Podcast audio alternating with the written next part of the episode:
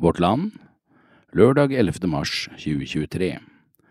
Lydutgaven produseres av KAB, Kristent arbeid blant blinde og svaksynte. Det er Jonas Kippersund som leser. I dagens avis kan vi blant annet lese at sju ble drept i skyting mot Jehovas vitner i Hamburg. Kjersti Stenseng i Arbeiderpartiet er en kaptein som ikke hopper fra skuta i ruskevær og én av tolv bibelskoleelever sier de har blitt seksuelt trasert, trakassert. Enkemann Edvin Bolstad på 80 blir kjent med sin avdøde kone på ny, når han leser notatene hun skrev i sin egen bibel. Hvordan kunne hun takke for en dødsdom, blir spørsmålet hans. Ansvarlig redaktør er Bjørn Kristoffer Bore.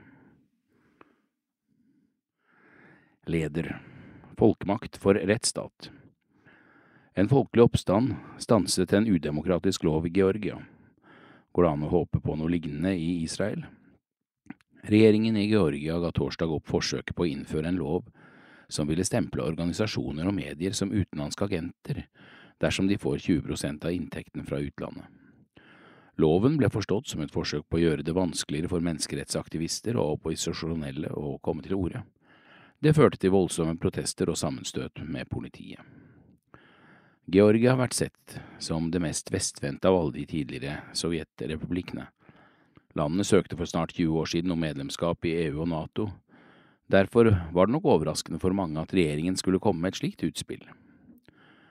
Forholdet til Russland splitter, men helt siden den tidligere russiske oligarken Bidzvina Ivansvili i 2012 ble valgt til statsminister for sitt nystartede parti Georgias drøm, har landet blitt stadig mer polarisert.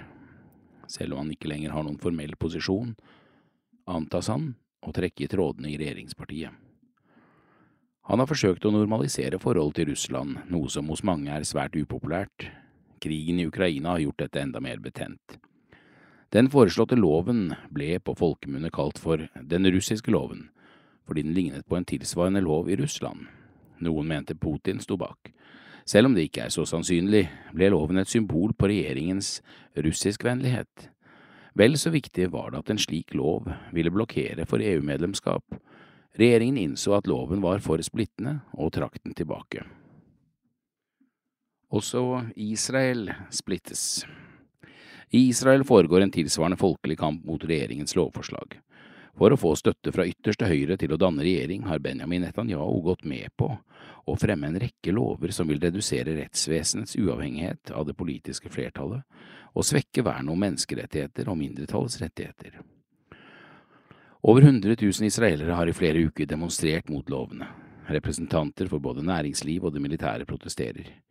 Mistilliten til regjeringen og mistroen til dens hensikter gjør det vanskelig å finne kompromiss, og regjeringen virker innstilt på å kjøre reformen gjennom uendret. Kan vi håpe at den israelske regjeringen vil gjøre som den georgiske, og la være å gjennomføre noe som svekker demokratiet og splitter landet?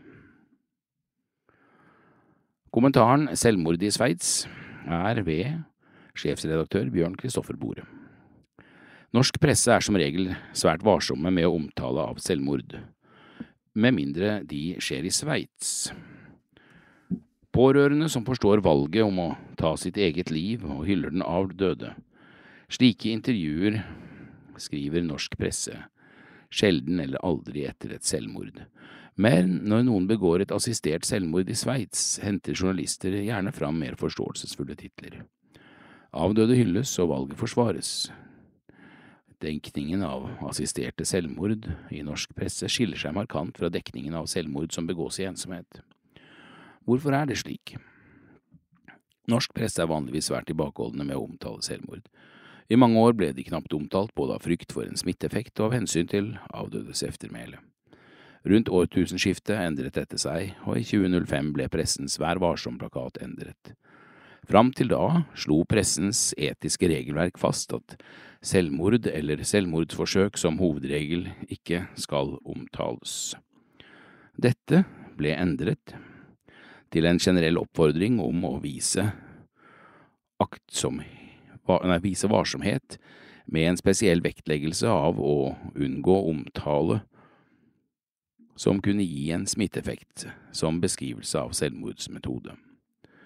Ifølge forskerne er det ikke nødvendigvis omtale av selvmord i seg selv, men hvordan selvmord omtales, som kan gi smitteeffekt. Derfor advarer ekspertisen mot omtale av selvmordsmetode, spekulasjoner rundt selvmordets årsak, sensasjonsjournalistikk om kjendiser som tar eget liv, romantisering av selvmord og glorifisering av avdøde. Derfor refereres sjelden noe avskjedsbrev eller selvmordsmetode i norsk presse, og de færreste redaktører og journalister ville drømt om å referere uttalelser fra pårørende som uttalte seg forståelsesfullt om beslutningen til deres kjære om å ta sitt eget liv. Unntaket i presseetikken Med ett unntak. Presseetikken vurderes gjerne litt annerledes hvis selvmordet skjer på en klinikk i Sveits. Det hele får en aura av renhet, legalitet og effektivitet. Journalistene skildrer hvor verdig og fin stemning det er på dødshjelpklinikken. Noen bruker ordet høytidelig.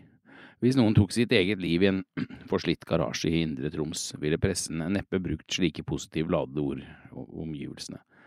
Journalister ville ved en ikke, at ikke-assistert selvmord være svært tilbakeholdne med å intervjue pårørende, som trøstet seg med at en umulig livssituasjon fikk en løsning.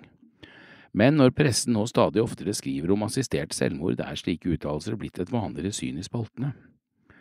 Det er forståelig at det blir slik. Det er ikke deprimerte mennesker som føler at livet har brutt sammen som drar til Sveits. Det er mennesker med lidelser som gjør at de fleste sympatiserer med deres valg. De står gjerne foran smertefulle måneder eller år.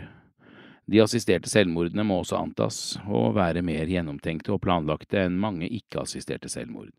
De begås ikke i affekt, rus eller i psykose. Det er også forståelig at pårørende ønsker å fortelle om hvordan de har tenkt rundt eh, at en av deres kjære nok tok et svært vanskelig valg. De svakes perspektiv Journalister ønsker gjerne å vise fram svake gruppers perspektiv. Det er en viktig del av pressens oppgave som maktkorrektiv.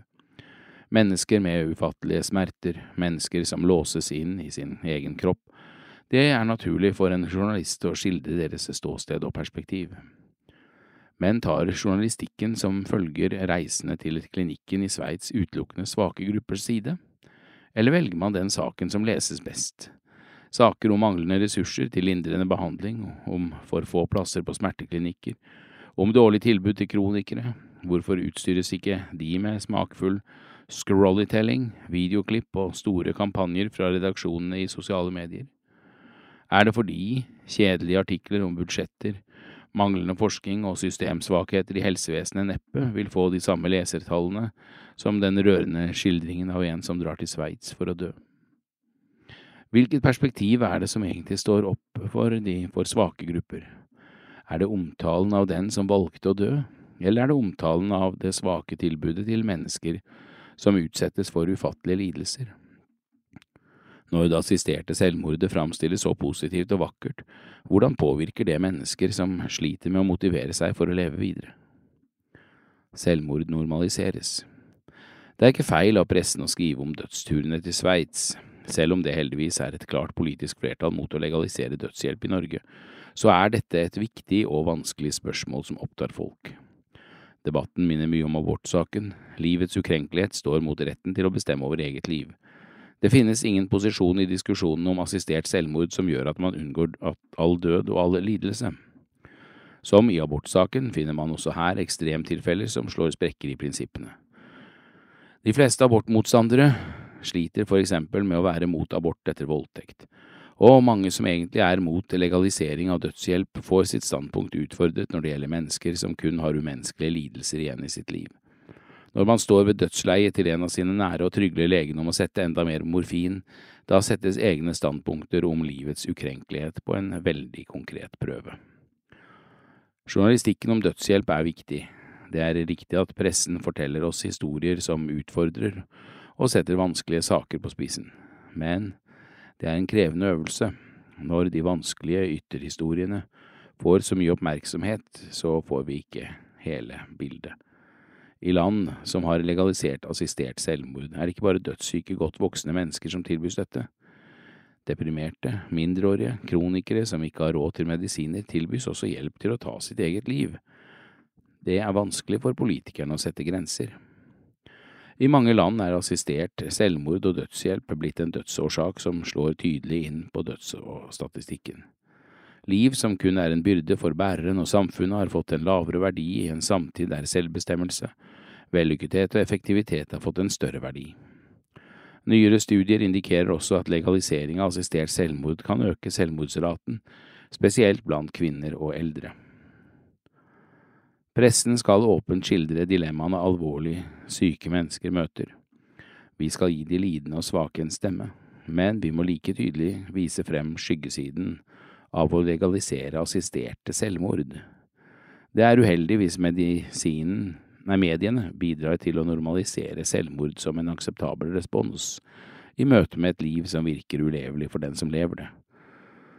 Da er det ikke sikkert journalistikken står på de svakestes side.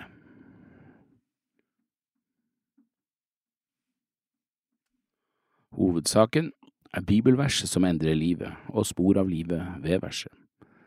På stuebordet ligger ti bibler, ni er sorte, en er rød. Den røde tilhørte Britt Synnøve, som døde av kreft i fjor.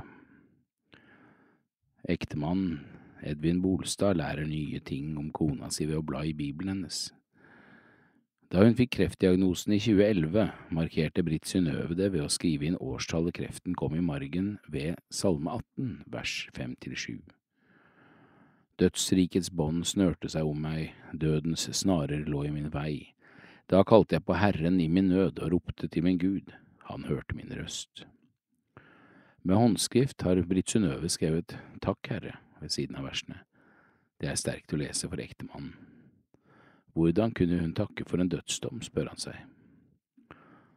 Kona ble operert og etter hvert friskmeldt, hun rakk å oppleve fire barnebarn til før kreften kom tilbake i 2021. Det er mye vemod og trøst ved å se sporene etter henne, hun var en nydelig person, jeg har grått mye, men mest av takknemlighet. Hun levde i ordet, sier Edvin, 80. Han var gift med Britt Synnøve i 52 år, nå lider han selv av kreft i bukspyttkjertelen og får behandlinger med cellegift. Edvins navn og navnet til barna, Solveig og Fredrik, er skrevet inn med Britt Synnøves håndskrift ved Salme 17, vers 8 i Den røde bibelen. Vokt meg som din øyensten, skjul meg i skyggen av dine vinger. Bibelvers ledet til tro. Vårt Land møter Edvin Bolstad hjemme hos Per Johannes Helgebostad, 71. De har bibelinteressen felles, og brorparten av biblene på stuebordet tilhører Per Johannes, men han ville neppe vært en kristen uten Edvin.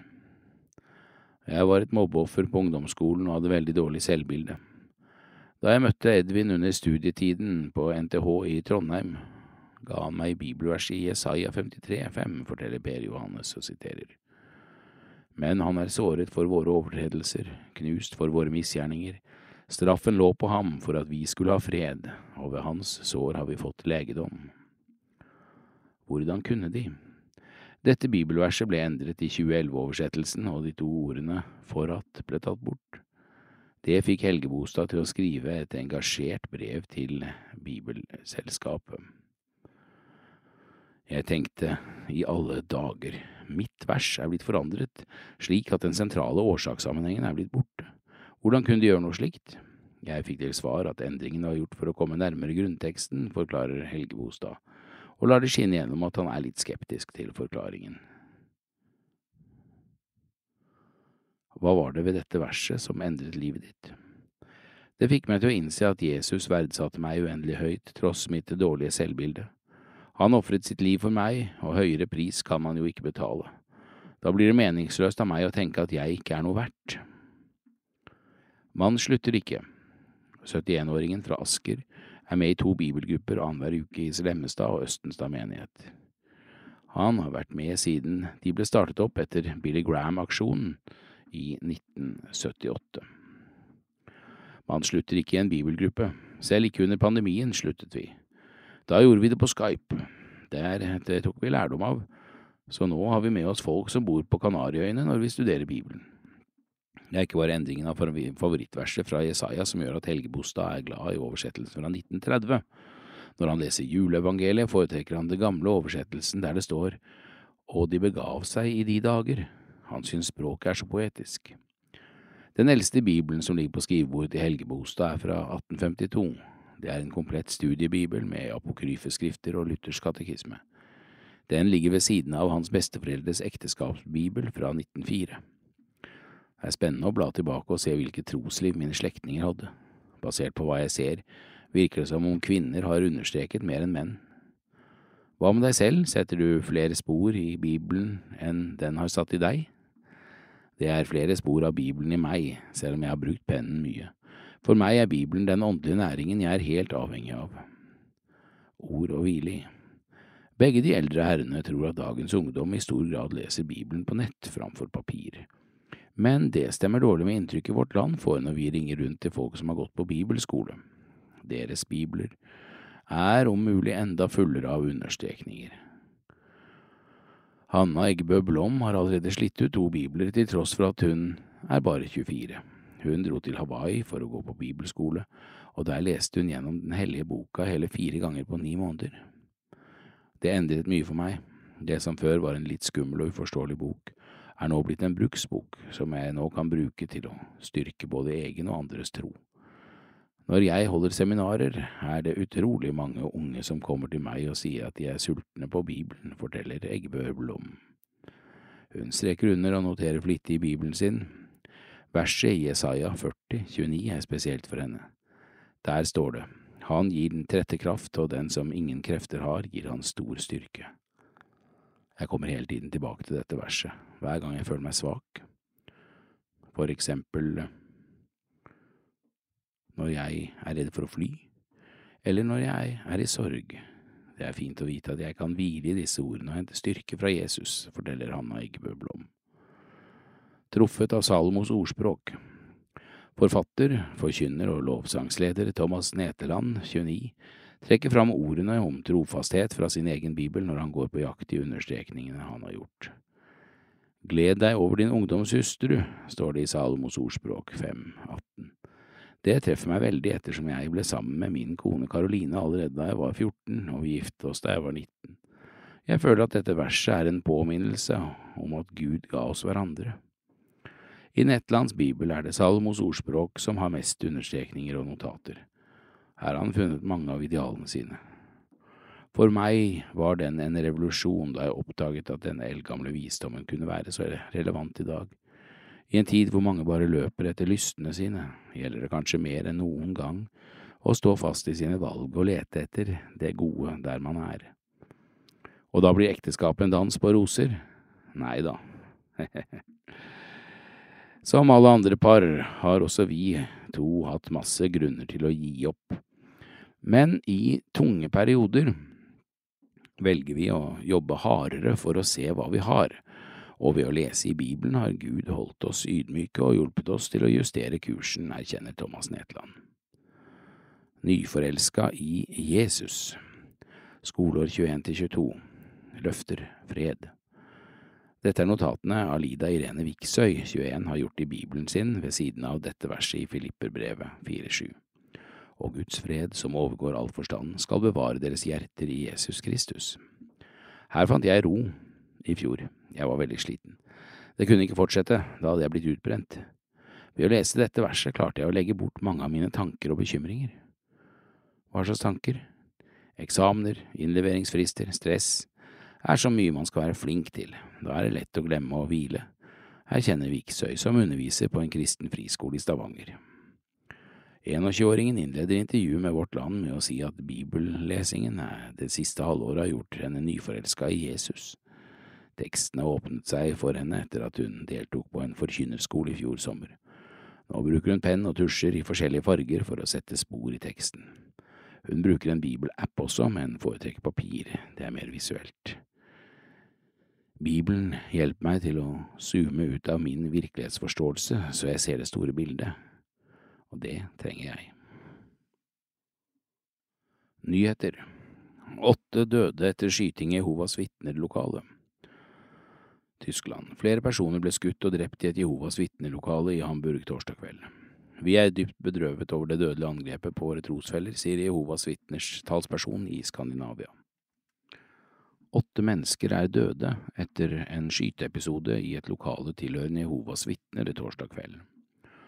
Mannen som gikk til angrep på menigheten, skjøt sju personer før han tok sitt eget liv, opplyser politiet i Hamburg på en pressekonferanse fredag. Det er fortsatt uklart hva motivet for skytingen kan ha vært, men ifølge tyske Der Spiegel var gjerningsmannen trolig et tidligere medlem av trossamfunnet.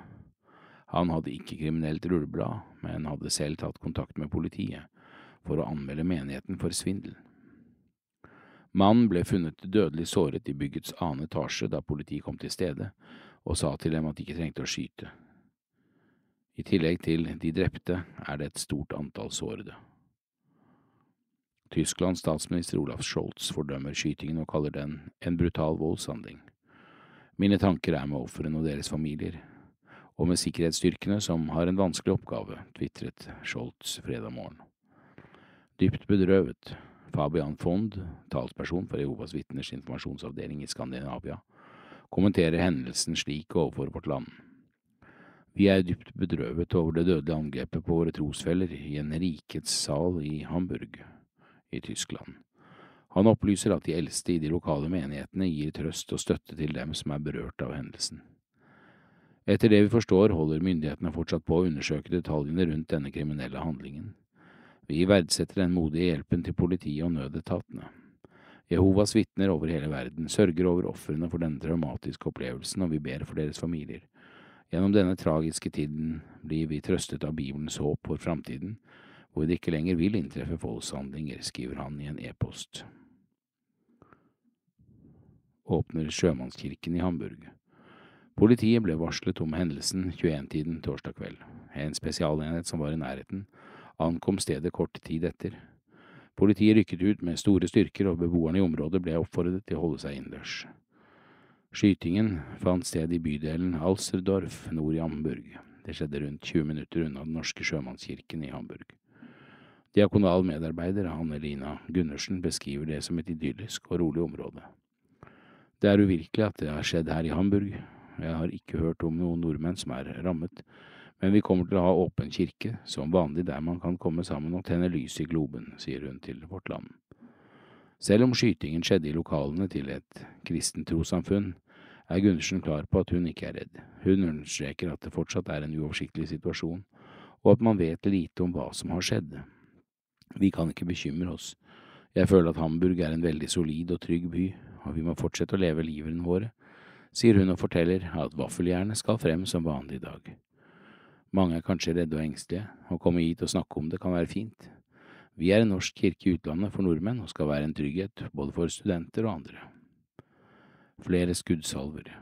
Vitner som befant seg i området da skytingen skjedde, beskriver å ha hørt flere titalls skudd fra trossamfunnets lokale. Det var fire perioder med skyting med rundt 20 sekunders mellomrom, sier studentene Laura Bach til nyhetsbyrået DPA.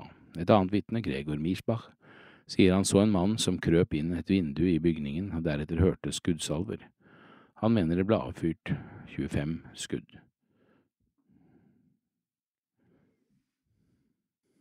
Så til Norge og en nyhetskommentar ved Emil André Erstad. Derfor ønsker Stenseng å holde fram. Kjersti Stenseng er en kaptein som ikke hopper fra skuta i ruskvær. Det er lite som tyder på at de dårlige målingene gjør partisekretæren mindre motivert til å holde fram. Å være partisekretær i Arbeiderpartiet kan gi deg legendestatus. På lista over de som har sittet i stolen øverst på Youngstorget, finner vi navn som Martin Tranmæl, Einar Gerhardsen og Håkon Lie. Du har ansvar for at ørnen i norsk politikk skal fly.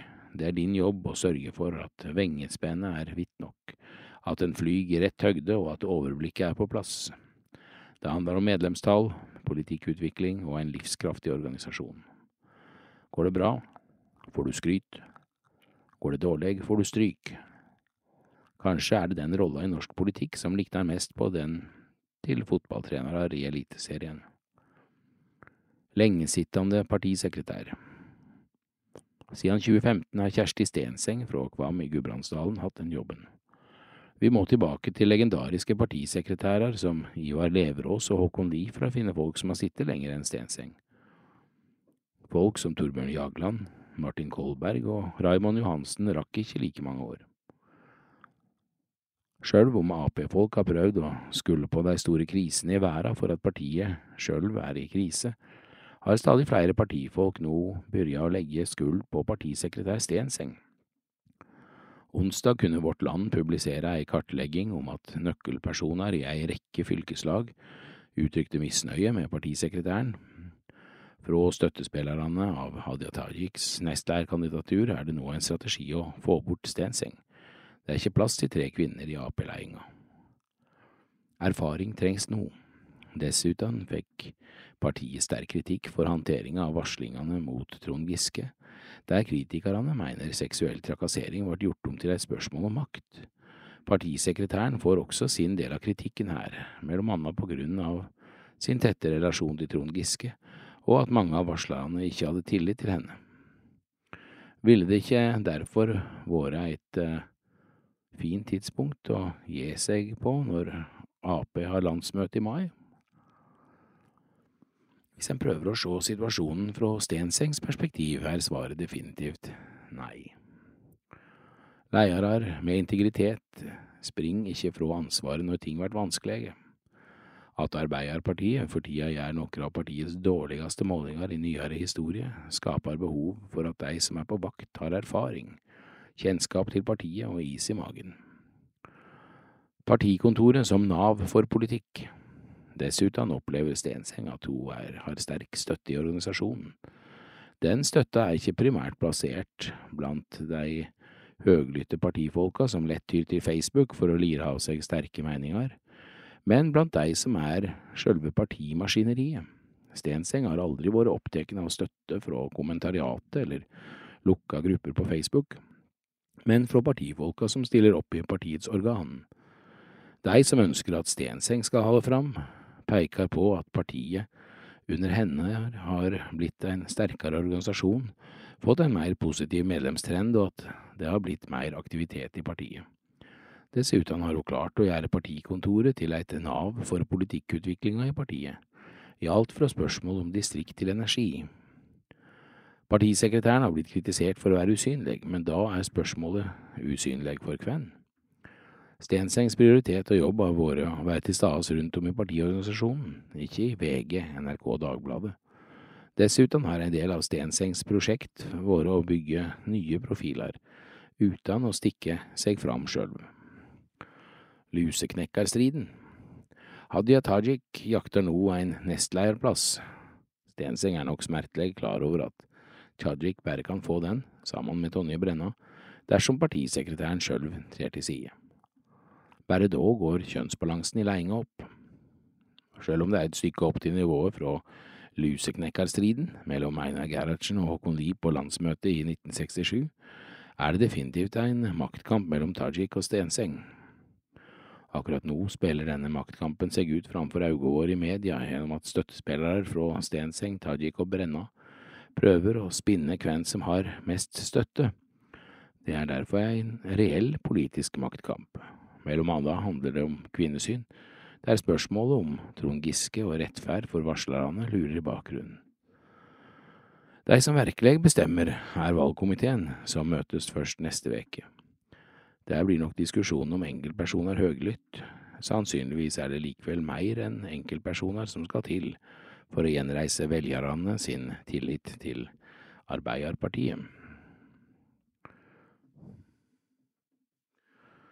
Vi går utenriks igjen, og til Afghanistan. Kvinnene har fått sine drømmer om framtiden spolert. Afghanistan. Den internasjonale kvinnedagen onsdag ble kun markert av et tjuetalls kvinner i hovedstaden Kabul. Det virker som at befolkningen er i ferd med å gi opp, sier Liv Kjølseth i Afghanistan-komiteen. Den internasjonale kvinnedagen er viktigere enn noensinne i Afghanistan. Etter at vestlige styrker trakk seg ut av landet i 2021, har Afghanistan på ny blitt det landet i verden hvor kvinner er mest undertrykt, ifølge FN.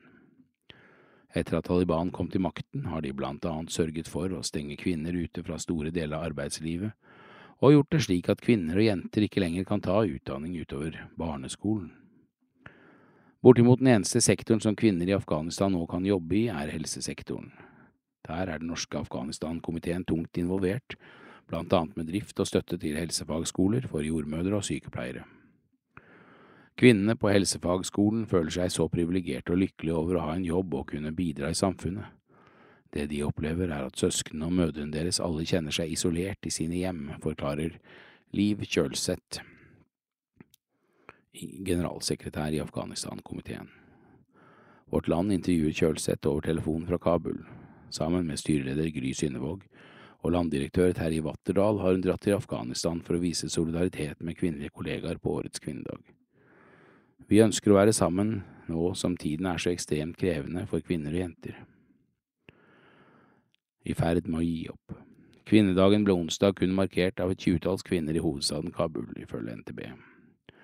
Liv Kjølseth sier at kvinner frykter for sin egen sikkerhet ved å protestere. Det har vi sett helt siden Taliban kom til makten. Kvinner er også de eneste som faktisk har protestert, og det har blitt slått ned på. De har blitt anholdt, anholdt tatt til fange og torturert, og det danner en alvorlig undertone i forbindelse med 8. mars. Hvordan ser afghanske kvinner på framtiden? Det virker på mange måter som at befolkningen er i ferd med å gi opp, sier Kjølseth. Kollektiv depresjon. Folket her nå er rammet av en kollektiv depresjon.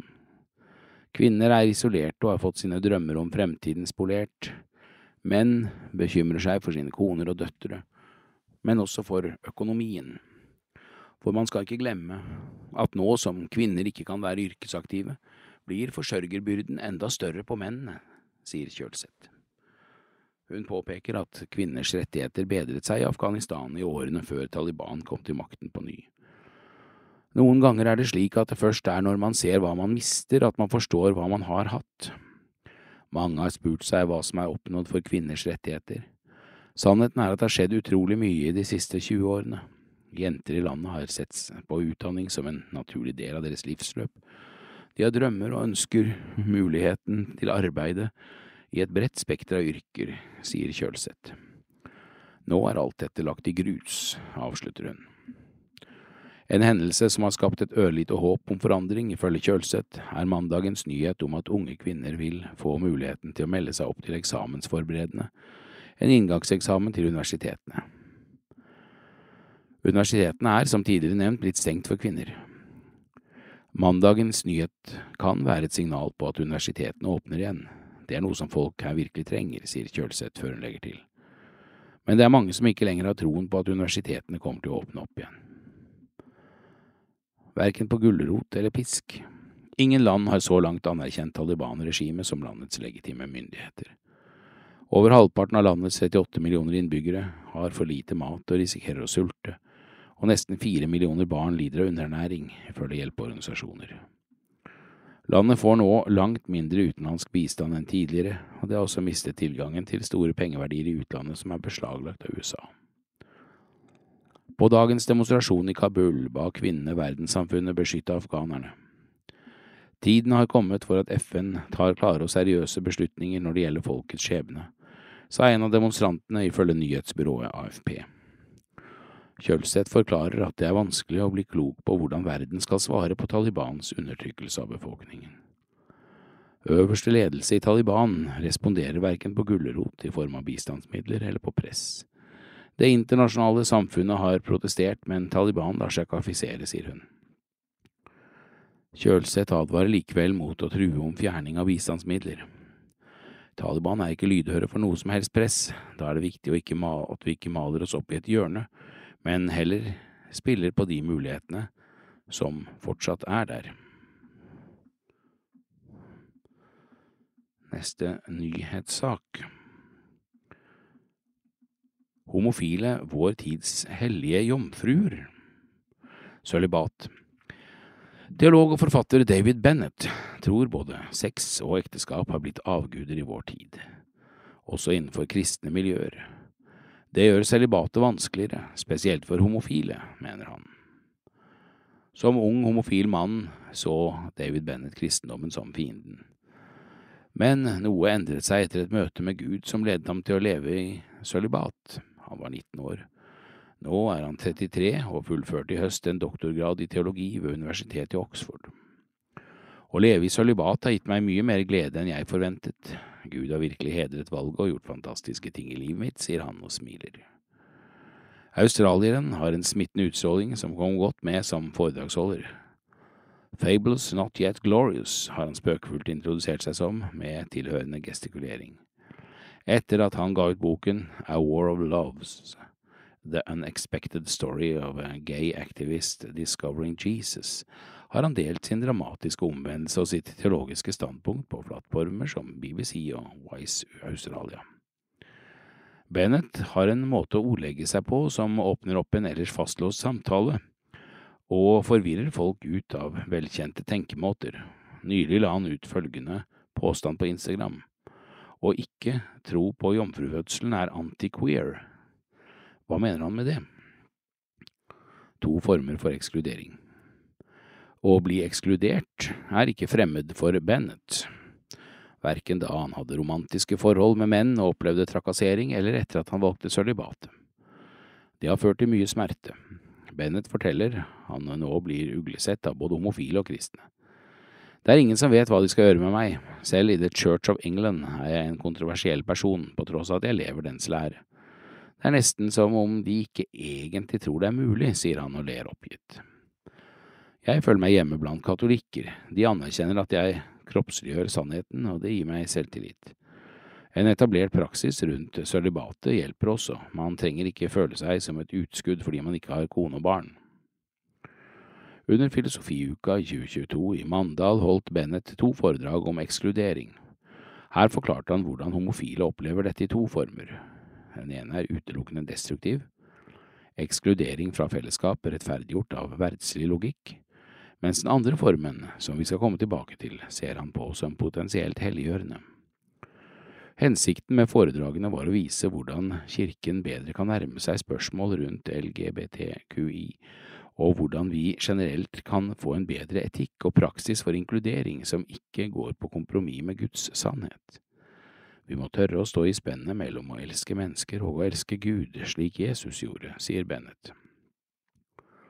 Han mener mange skygger unna denne kjernen i kristendommen, den uløselige spenningen mellom solidaritet og å ta avstand fra synd, og enten blir usolidariske eller utro mot kirkens lære. Ekskludering av alt som er queer. Begrepet queer betydde opprinnelig merkelig. Nå brukes det for å beskrive andre seksuelle legninger og kjønnsidentiteter enn heterofile som identifiserer seg som sitt biologiske kjønn. Vi tenderer alltid mot å ekskludere det som er annerledes, tror Bennett. Det er noe i oss som er homofobisk og fremmedfiendtlig, sier han. Trangen til å ekskludere det merkelige knytter Bennett til et evolusjonært tankesett. Her er reproduksjon hovedpoenget med seksualitet, sier han, og er ikke betinget av moralske rammer. Kanskje er det mer evolusjonært heldig å være monogam, men i den grad du kan ha kjærlighet, er det alltid som et middel for å nå et annet mål. Det samme gjelder å opphøye sex. Personen blir middelet, nytelse blir målet. Ved å bruke begrepet evolusjonært tankesett mener han ikke å kritisere naturvitenskap som sådan, men en spesifikk fortolkning hvor seksualitet blir et kompetitivt spill. Dette begrunner ekskluderingen av alt som er queer, noe kristendommen ikke gjør, sier Bennett. Gjennom Skriften viser Gud oss at vi ikke kan kjenne godt og ondt bare ut fra naturen, det må også komme direkte fra Gud. Med dette resonnementet blåser Bennett nytt liv i begrepet kjød, som ofte har vært kristenes ordvalg i kritikk av det verdslige. Kroppen er en god ting, men den dødelige menneskenaturen motsetter seg samtidig Guds nærvær. Med et evolusjonært tankesett både begjærer og utestenger man det man ikke skal. Å ekskludere er også å følge kjødets lyst. Å være homofil passer ikke inn i det evolusjonære tankesettet. Derfor tydeliggjør vi som homofile at Guds skapninger er skapt for mer enn bare det verdslige. Jeg tror Gud bruker det til å destabilisere usunne normer vi møter i alle kulturer, også vår egen. Kulturens avguder. I vår tid er både sex og ekteskap en avgud, også innenfor kristne miljøer, mener Bennett. Det er i den sammenhengen han eh, sier at å ikke tro på jomfrufødsel er antiqueer. Jeg traff meg en dag jeg satt på kontoret. Jomfrufødselen opphøyer ikke reproduksjon. Det er befruktning uten en mann. Det skjedde utenfor ekteskapet. Det er noe merkelig. Både jomfrufødsel og sølibatet demonstrerer at ekteskap og reproduksjon er mindre viktig enn kulturen vi lever i, påstår. Hva mener du med at ekteskapet har blitt en avgud? Den største faren er ikke å tilbe det onde, men det gode på feil måte. Ekteskapet er en fantastisk gave.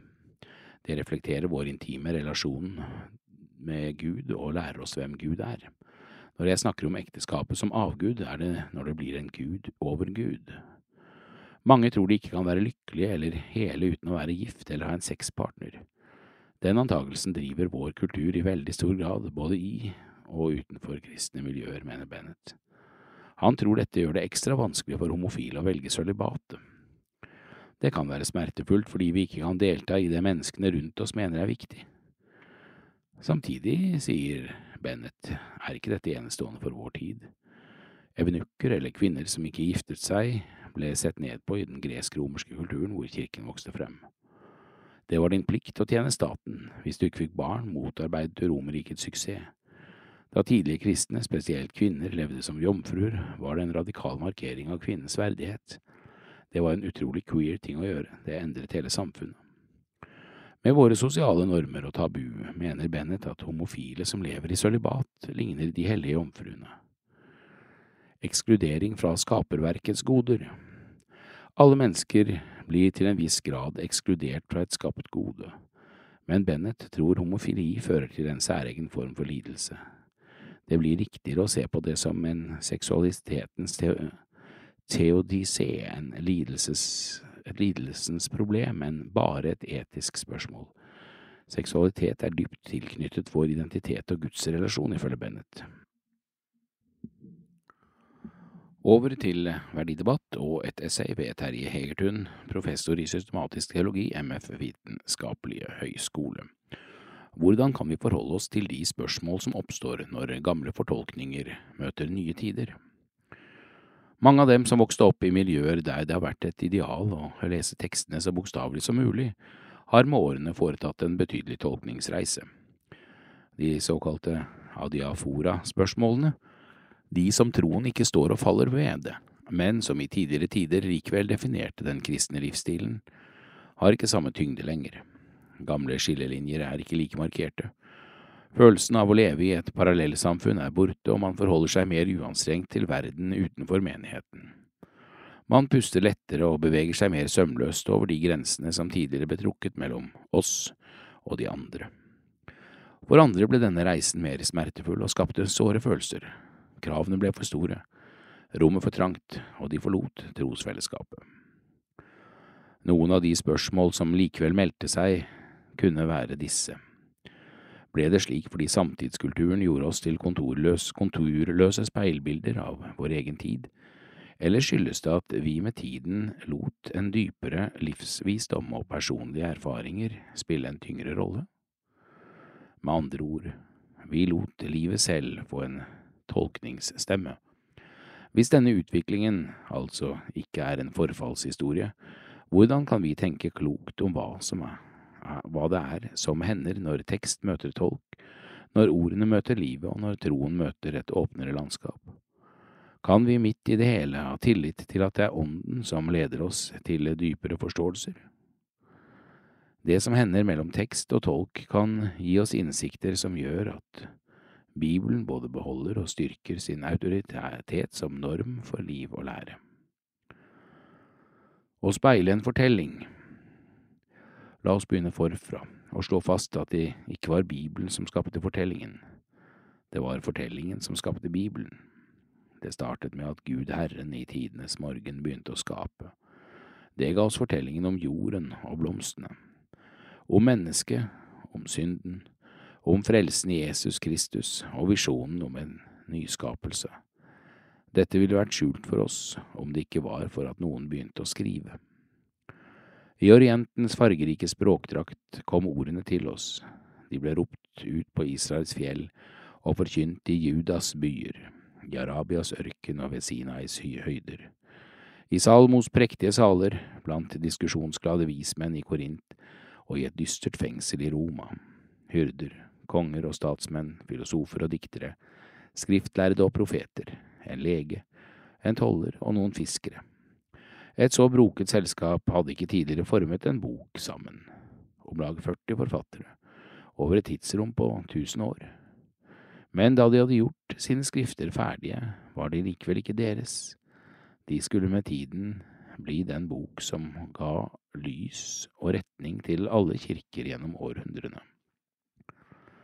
Takket være Bibelen har Gud spent nådens bue over oss alle.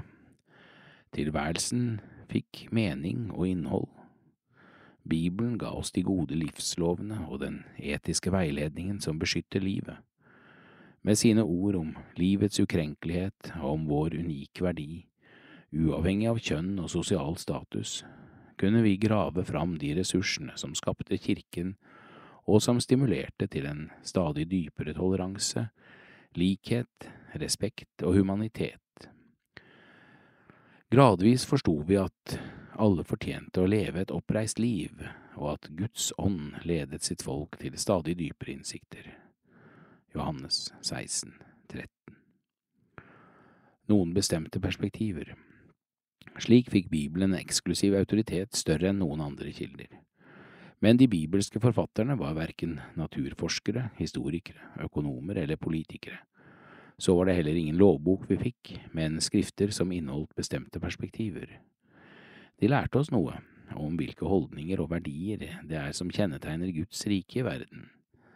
De pekte på den modellmakt Jesus-fortellingen har, og de inneholdt det som fikk oss til å opptre som etisk ansvarlige subjekter i eget liv og i møte med andre. Det glødende hjertet i Bibelen er evangeliet, de gode nyhetene som bare kan tas imot i tro og takk, Budskapet om Guds grenseløse nåde holdt levende gjennom kirkenes tro og praksishandlinger. Dette gjør Bibelen til mer enn skrift. Den blir levende tale, performativ og nyskapende. Den ber også om å bli tolket og forstått av nye generasjoner til lys for unge kristne som i dag lever i en tid der rammer og grenser ikke er like tydelige som før og det gir forkynnere og bibeltolkere et ærefullt oppdrag å bygge broer mellom den gang og nå, slik at kildene kommer til orde, selv om de ble til i en annen tid. Slik opprettholdes Bibelens relevans, og slik får vi lettere et grep om hva som er tekstenes budskap til oss i dag. Det store paradigmeskiftet Bibelen har en unik fortelling om hvordan et nytt forståelsesparadigme brøt fram i urkirken på helt bestemte premisser. Apostlenes gjerninger 10. Helligånden var regissøren, og aktørene var en romersk offiser, Kornelius, og en jødisk etterfølger av Jesus, Simon Peter. Mens de var i bønn på hver sine steder, romeren i sitt palass i Cesarea ved havet og Peter hjemme hos garveren i Jaffa, viste ånden seg for dem i syne, syner og begynte å røske opp i gamle tankemønstre. Snart satt Peter, stikk i strid med alle jødiske tradisjoner, hjemme hos Kornelius. Allerede da var mange konvensjoner overskrevet. Men Peter hadde hørt åndens stemme. Han delte sin troshistorie, og plutselig, uten noe forvarsel, ble Kornelius og hans hus vitne til at pinsedagen i Jerusalem ble sendt i reprise. Ånden falt over hedningene, noe radikalt og grensesprengende fant sted. En ny og lovprisende menneskehet var skapt. Det store paradigmeskiftet var et faktum. Troens barn var åndens folk, og de skulle være å finne på tvers av alle sosiale, etniske, kulturelle og kjønnsmessige forskjeller. Teologien var ikke til å ta feil av. Ånden gjorde kirkens ledere til et profetisk folk som både lyttet til skriftene og i tillegg maktet å integrere i skrifttolkningen de nye erfaringene de hadde gjort av ånden. Dette ble fortellingen om en kirke som lar seg bevege og forandre av Gud. Vi kan tenke at dypest sett er alle nyvinninger som bryter gjennom våre hindringer og som tar, har lar flere erfare nåden, ikke noe mindre enn et verk av Gud, Den hellige ånd. For Peter var det ingen vei tilbake. Han ble en radikal og nytenkende fortolker, da alt sto på spill for kristendommens framtid. Dette var det store gjennombruddet, men også i våre små livsfortellinger har vi fra tid til annen sett spor av Gud som har klarnet blikket og gitt troen nye impulser. Når helhetsbildene trer frem, fordi Bibelen er en samling av skrifter som spenner over et tidsrom på mange århundrer, er det viktig å skjelne mellom hvilke tekstelementer som er historisk betinget, og hvilke som sprenger det kontekstuelle. Selv om det for eksempel er tekster som avdekker polygami, er det i seg selv ikke et argument for en slik ekteskapspraksis. Selv om den bibelske familiestrukturen er hierarkisk, påvirkes vår lesning av at mer likestilte idealer også kan finne god tolkningsstøtte. God teksttolking ser etter hvilke helhetsbilder som trer fram, og vi forsøker å forstå hva de betyr for oss i dag. Detaljene i tekstene er ikke uviktige, men vi ser etter hvilke større perspektiver som binder detaljene sammen. Uten slike helhetlige forståelser kommer vi ikke lenger enn det vi finner på detalj- og setningsnivå, og det er ikke alltid tilstrekkelig. Slik avdekkes det at Bibelen rommer mange innsikter som overskrider den historiske konteksten. De sprenger seg vei gjennom århundrene og når helt fram til oss med en hilsen om at vi kan leve vårt liv midt i vår egen tid og kjenne oss båret av Guds nåde. For eksempel er det tydelig hva Guds tanker, er om oss. De handler om at vi skal ha fred, framtid og håp. Jeremia 29, 11. Rom for nye innsikter. Dermed kjennetegnes god teksttolkning av at selv om det kan koste å tro, gir tekstene oss støtte til å leve et integrert og meningsfullt liv som forplikter oss til å være disipler av Jesus. Dette utløser en positiv respons tilbake til teksten, ettersom tolkningen bekrefter vår grunnleggende erfaring av livsmestring. Det avler i sin tur gode frukter. Galeaterbrevet 5.22 I møte med Jesus-fortellingen gjenkjenner vi vår egen verdighet. Vi ser at vi alltid er mer enn våre gjerninger, større enn de begrensningene vi til daglig lever under, og viktigere enn det forbrukersamfunnet forkynner oss. Det er ikke overraskende at begreper som ansvar, nestekjærlighet, omsorg, troskap, respekt og kampen mot urett og krenkelser er kjennetegn som har hatt en særlig bred virkningshistorie. Disse verdiene er forankret i den lange kristne overleveringstradisjonen, og de spiller med når gamle tekster taler til nye generasjoner. Bibeltolkningen forsøker også å integrere det nye innsikter innenfor ulike fagfelt kan tilføre teologien. Det samme gjelder når kirkene skal sameksistere med liberale og humane samfunnsverdier. For eksempel har kvinnenes posisjon i familie, menighet og samfunn tydelig sammenheng med hvordan synet på kvinnerollen har endret seg i samfunnet. Det berører teksttolkningen, selv om det isolert sett kan stå i et spenningsforhold til den samtidshistorien som preger enkelte bibeltekster, for eksempel første Timoteubrev 2, 12–14. Nye innsikter har alltid hatt en betydelig fortolkningskraft og påvirket forståelsen av enkelttekster. Slik er teksttolkningen preget av både spenning til og et samspill med samtiden. Det innebærer ikke at Bibelens autoritet svekkes. Den er selv ikke ukjent med at ulike former for skjønnsutøvelse kommer til anvendelse.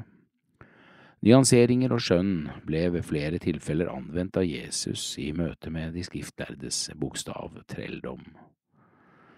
En visdom vi ikke kan unnvære. I tillegg spiller livserfaringene en rolle. De vitnesbyrd vi deler med hverandre om hvordan Gud på ulike måter handler i livet vårt, baserer seg jo nettopp på erfaringer og opplevelser, kall og nye innsikter. Noe av Guds virkelighet erkjenner vi gjennom mentale følelser og sansbare erfaringer. Selv om disse ikke skal anvendes ukritisk, avdekker de ofte en visdom vi ikke kan unnvære. Det har mer og mer vist seg umulig å la kirkenes undervisning være upåvirket av denne typen innsikter. Vi kan ikke hevde en tolkning uten at vi samtidig tar ansvar for de resultater og frukter den gir. Forskere ved VID vitenskapelig høgskole og Institutt for sjelesorg ved Modum Bad har funnet ut at det gjerne er i overgangsfaser i livet at det skjer bevegelser i troen. Dette handler om noe så fundamentalt som at god teologi må kunne leves og bekreftes av livet selv, på samme måte som praksis informerer teologien, må god teologi også kunne praktiseres. Den tyske teologen Jürgen Moltmann sier i boken The Spirit of Life at den treenige Gud er involvert i alt som er livsbejaende og som stimulerer menneskets skapende ressurser. Hva skal vi tenke når troen tar litt nye veier i livet vårt, når vi utfordres av nye innsikter og når Ånden åpner oss for flere horisonter? Når vi som tolker har møtt tekstene på måter som har gitt oss perspektiver vi tidligere ikke hadde, og troen er blitt tilført nye dimensjoner. Et mulig svar er at dette er velkjente mønstre i våre trosfortellinger og i utviklingen av våre gudsbilder. Livets egen tolkningsreise handler om at forståelse og mening er noe vi mottar og bearbeider ved hjelp av alle de fortolkningsressurser vi rår over for deretter å gi det vårt eget stempel. Kanskje vi midt i dette ser sporene av Gud, slik Peter gjorde.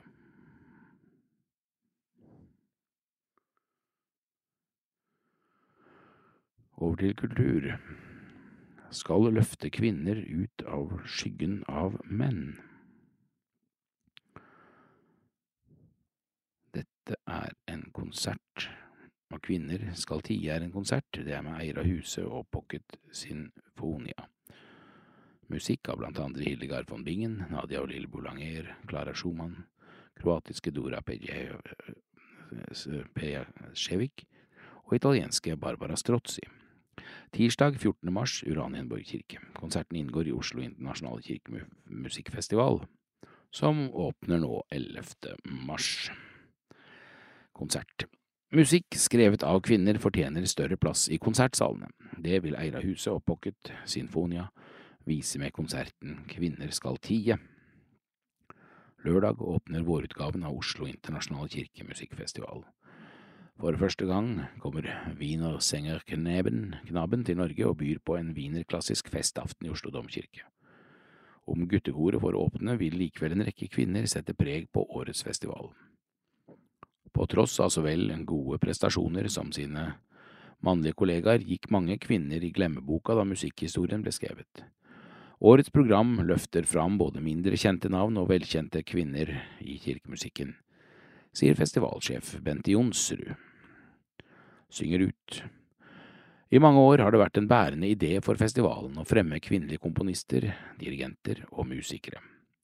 Når mezzo-sopranen av Huse Sammen med Pocket Sinfonia holder konsert i Uranienborg kirke tirsdag, er det med tittelen Kvinner skal tie.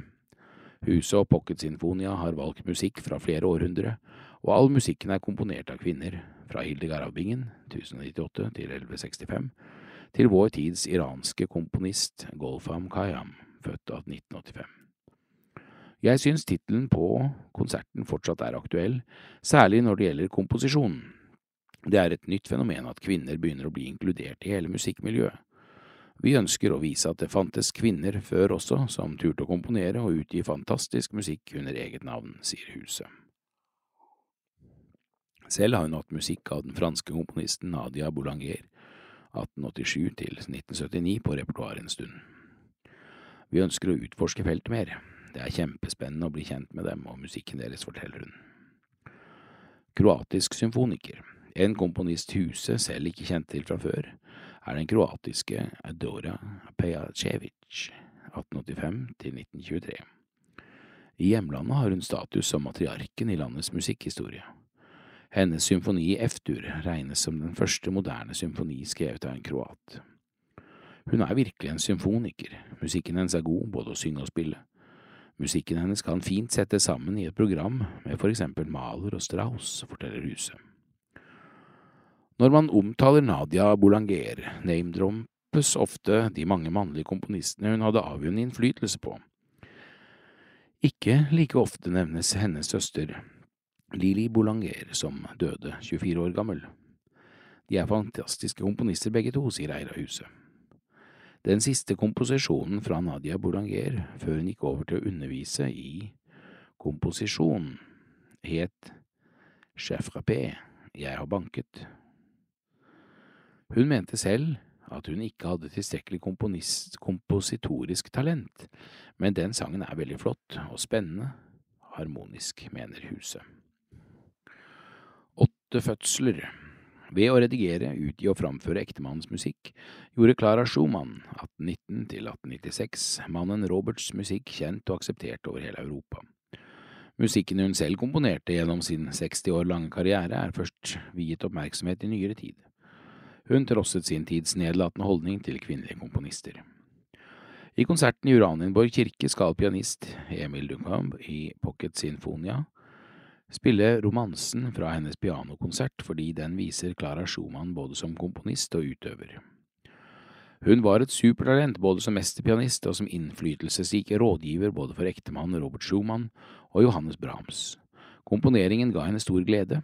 Hun sa at ingenting overgår gleden av å skape om det så bare er at en har timer til å glemme, glemme seg selv i en verden av lyd. Hun ga mer og mer opp den delen av seg selv, og ektemannen medga at det var synd at så mange av hennes ideer ikke ble realisert, forteller huset. I arbeidet med kvinners musikkhistorie slår det henne at selv når talentet var stort og de ble anerkjent i sin tid, lå forholdene likevel ikke til rette for kvinner. De var pålagt for mye ansvar og manglet ofte tilstrekkelig støtte fra omgivelsene. Et unntak i så måte var Lilly Boulanger. Som 19-åring vant hun den prestisjetunge Prix de Rome. Da hun dessverre døde som 24-åring, var hun regnet som en av sin tids største talenter, sier huset. Nå håper hun konserten kan inspirere både publikum og musikerkolleger, slik at noen av disse verkene blir satt opp oftere. Jeg håper alle blir nysgjerrige, lytter til den fantastiske musikken og fortsetter å utforske den, sier huset. Hva betyr det for deg å gjøre konserten? veldig mye. Det er utrolig fint å finne flere kvinnelige forbilder både som utøver og komposisjonsstuderende. Mitt håp er at konserten kan gjøre at flere unge musikere kan få forbilder. Dette er musikk som fortjener en plass i kanoen, og samarbeidet med Oslo Internasjonale Kirkemusikkfestival er inspirerende fordi de er så bevisst dette, mener huset. Skriketausheten. Hva betyr 8. mars for deg? I Norge er vi heldige som på mange måter lever likestilte, og vi bør minne hverandre på de som har kjempet før oss. Vi hadde ikke vært her uten de som turte å si fra. Det er viktig å fortsette å heve stemmen. Kvinnehelse, barselopprøret og at kvinner skal få leve i trygghet fra seksuelle overgrep er noe jeg gjerne går i tog for, svarer Huset. Eier av Huset og Pocket Sinfonia vil i konserten urframføre den iranske komponisten Golfam Kayams verk Come Join The Tears. Hun har virkelig noe å fortelle oss, og det føles spesielt å gjøre et verk som det ikke hadde vært mulig for meg å synge i hennes hjemland. Der har ikke kvinner lov å synge solistisk. Hennes musikk har et unikt uttrykk, sier Huset, og legger til. Det er spennende å se hvordan klassisk musikk blir når det blander seg med ulike uttrykk og improvisasjon som hun er opptatt av. Kayam har blant annet sagt at hun tror musikken mer enn noen gang er en vei til helbredelse eller en måte å skrike ut tausheten fra de mange undertrykte stemmer.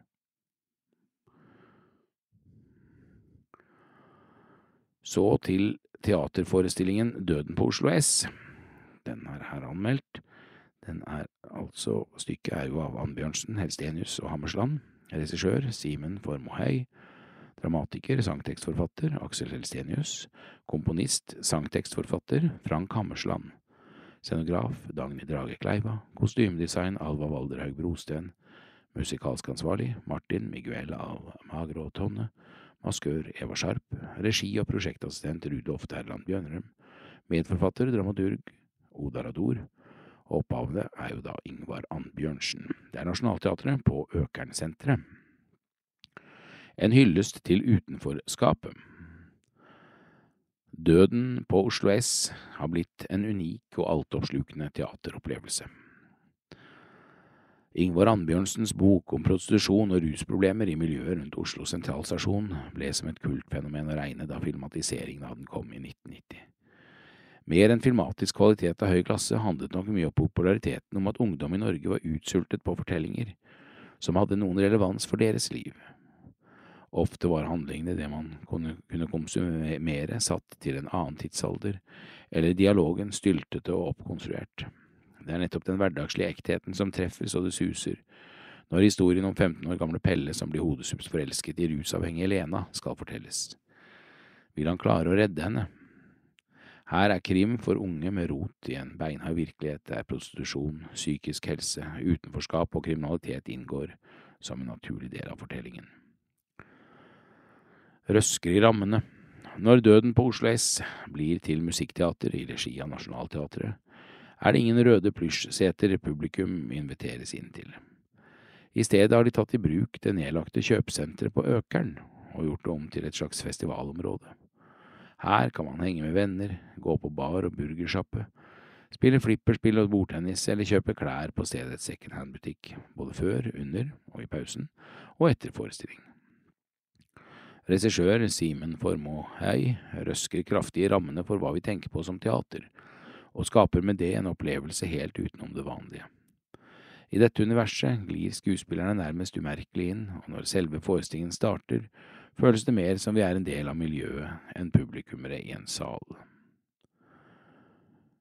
Balansegang I et bunnsolid ensemble stråler Philip Barget Ramberg og Flo Fagerli hovedrollen som Pelle og Lena.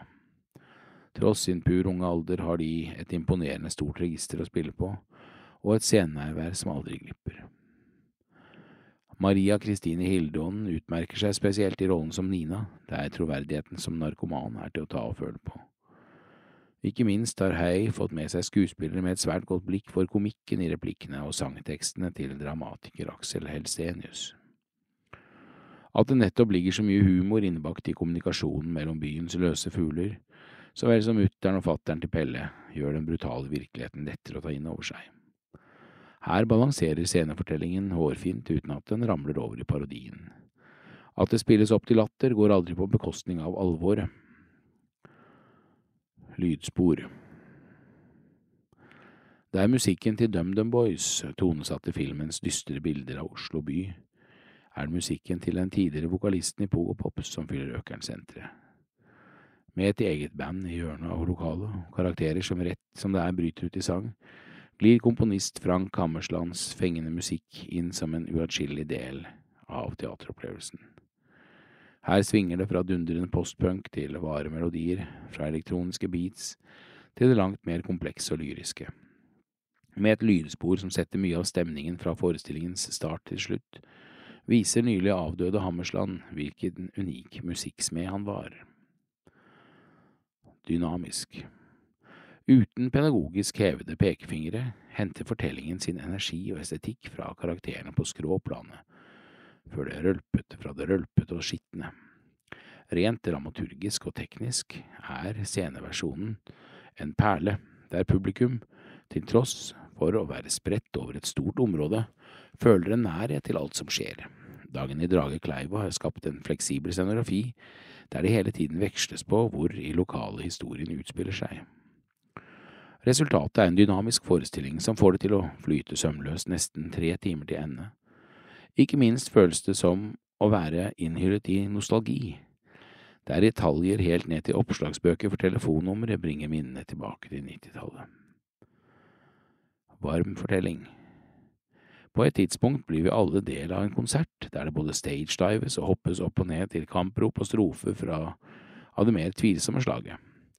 Jeg har i, ingen, i utgangspunktet ingen forkjærlighet for interaktive forestillinger, men her føles det langt mindre kleint og utenpåklistra enn man kanskje skulle tro. Ved å la publikum ta del i undergrunnsmiljøet kommer også budskapet tettere på. Bak den rufsete forestillingen i det litt kalde lokalet her er det lurt å kle seg godt, skjuler seg nemlig en varm ambisjon. Hvordan kan vi skape et rausere samfunn? Mens ironigenerasjonen i ettertid har gjort narr av mye med parodier på replikker som Jeg fikser ikke, Pelle, klarer regissør Simen Formohei å vise hvilken varm fortelling Døden på Oslo S egentlig er. Med imponerende kvalitet i alle ledd av forestillingen formidles en aksept for de som velger å leve et helt annet liv, for en verden med større slingringsmonn og rom for at flere kan føle seg hjemme. Ettertanken er i dag ved pensjonert prest Knut Grønvik. Og bibelteksten er fra Efeserbrevet 6, 10-18. Til slutt, bli sterke i Herren, i Hans veldige kraft. Ta på Guds fulle rustning, så dere kan stå dere mot djevelens listige knep. For vår kamp er ikke mot kjøtt og blod, men mot makter og åndskrefter, mot verdens herskere i dette mørket, mot ondskapens ånde her i himmelrommet. Ta derfor på Guds fulle rustning, så dere kan gjøre motstand på den onde dag, og bli stående etter å ha overvunnet alt. Stå da fast, spenn sannhetens belte rundt livet, og kle dere i rettferdighetens brynje. Stå klar med fredens evangelium som sko på føttene Hold alltid troens skjold høyt, med det kan dere slukke alle den ondes brennende piler. Ta imot frelsens hjelm og åndens sverd, som er Guds ord. Gjør dette i bønn, og legg alt fram for Gud. Be alltid i ånden. Våk og hold ut i bønn for alle de hellige. Utspekulert og uforskammet. Vi har en kamp mot ondskapens åndehær i himmelrommet, sier Paulus. Hva i alle dager er det han snakker om? Hva er dette for slags verdensbilde? Det virker mildt sagt fremmed og temmelig avleggs, for ikke å si direkte uopplyst. Nå vet vi bedre, eller gjør vi det? For treffer ikke grunnen denne virkelighetsbeskrivelsen enda bedre i våre dager, med alt vi nå kan laste ned fra nettet, fra skyen, jo da, jeg vet godt at det vi finner på internett, i virkeligheten ligger lagret i svære servere i dype fjellhaller. Men det var altså ikke kirke og predikanter som kom på å kalle dette for skyen. Det var det databransjen selv som gjorde. Dessuten er det jo satellitter ute i himmelrommet som bringer all denne påvirkningen lynraskt rundt i verden og inn i sanser, tanker og sinn. Mye av det som da når oss, er nedbrytende, mye er ondt. Det brukes utspekulert og uforskammet av verdens herskere i dette mørket. Vi må ruste oss til kamp, ikke mot kjøtt og blod, men mot makter og åndskrefter. Jeg mener selvsagt ikke at alt på nettet er dårlig og destruktivt. Jeg hevder heller ikke at ondskapens ånde her og internett er ett og det samme. Men sterkere og kanskje lettere enn noen gang kan hele kloden nå bli omspunnet av ondskap. Til kampen foreskriver Paulus rustning og våpen som fortsatt duger. Spenn sannhetens belte rundt livet. Sannhet mot løgn og desinformasjon, mot konspirasjonsteorier og propaganda.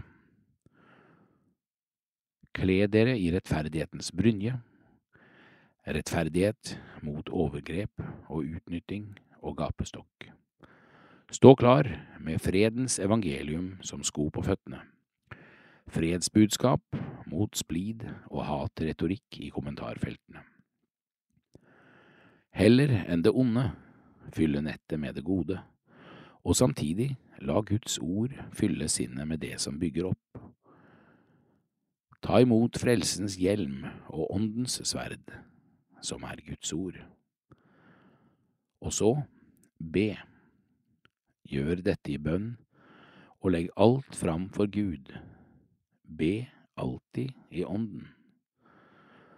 For også bønnen går jorda rundt i lysets hastighet og når helt ut, eller snarere inn, i himmelrommet.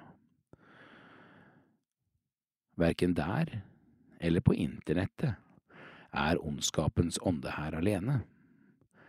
Der er også Herren og Hans veldige kraft. Kanskje er det nettopp på nettet du leser dette?